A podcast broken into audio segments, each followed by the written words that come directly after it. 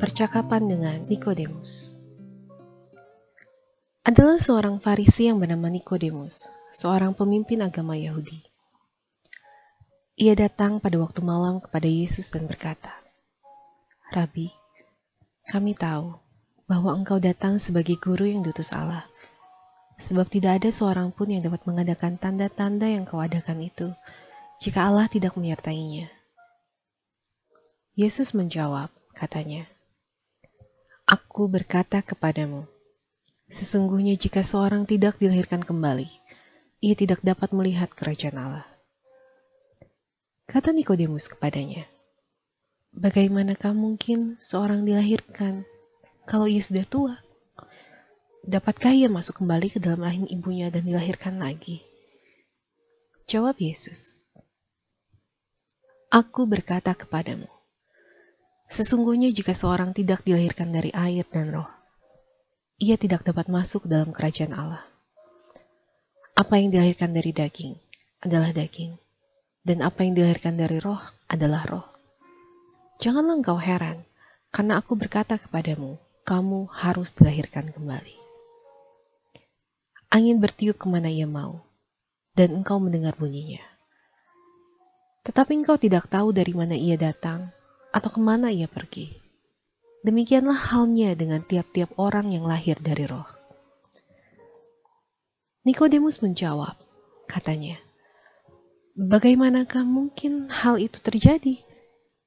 Jawab Yesus, Engkau adalah pengajar Israel, dan kau tidak mengerti hal-hal itu? Aku berkata kepadamu, Sesungguhnya kami berkata-kata tentang apa yang kami ketahui, dan kami bersaksi tentang apa yang kami lihat. Tetapi kamu tidak menerima kesaksian kami. Kamu tidak percaya waktu aku berkata-kata dengan kamu tentang hal-hal duniawi. Bagaimana kamu akan percaya kalau aku berkata-kata dengan kamu tentang hal-hal surgawi? Tidak ada seorang pun yang telah naik ke sorga, selain daripada dia yang telah turun dari surga yaitu anak manusia. Dan sama seperti Musa meninggikan ular di padang gurun, demikian juga anak manusia harus ditinggikan, supaya setiap orang yang percaya kepadanya beroleh hidup yang kekal.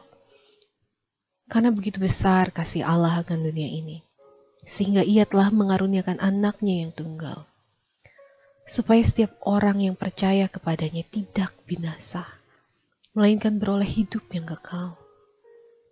Sebab Allah mengutus anaknya ke dalam dunia, bukan untuk menghakimi dunia, melainkan untuk menyelamatkannya oleh dia. Barang siapa percaya kepadanya, ia tidak akan dihukum. Barang siapa tidak percaya, ia telah berada di bawah hukuman, sebab ia tidak percaya dalam nama anak tunggal Allah. Dan inilah hukuman itu.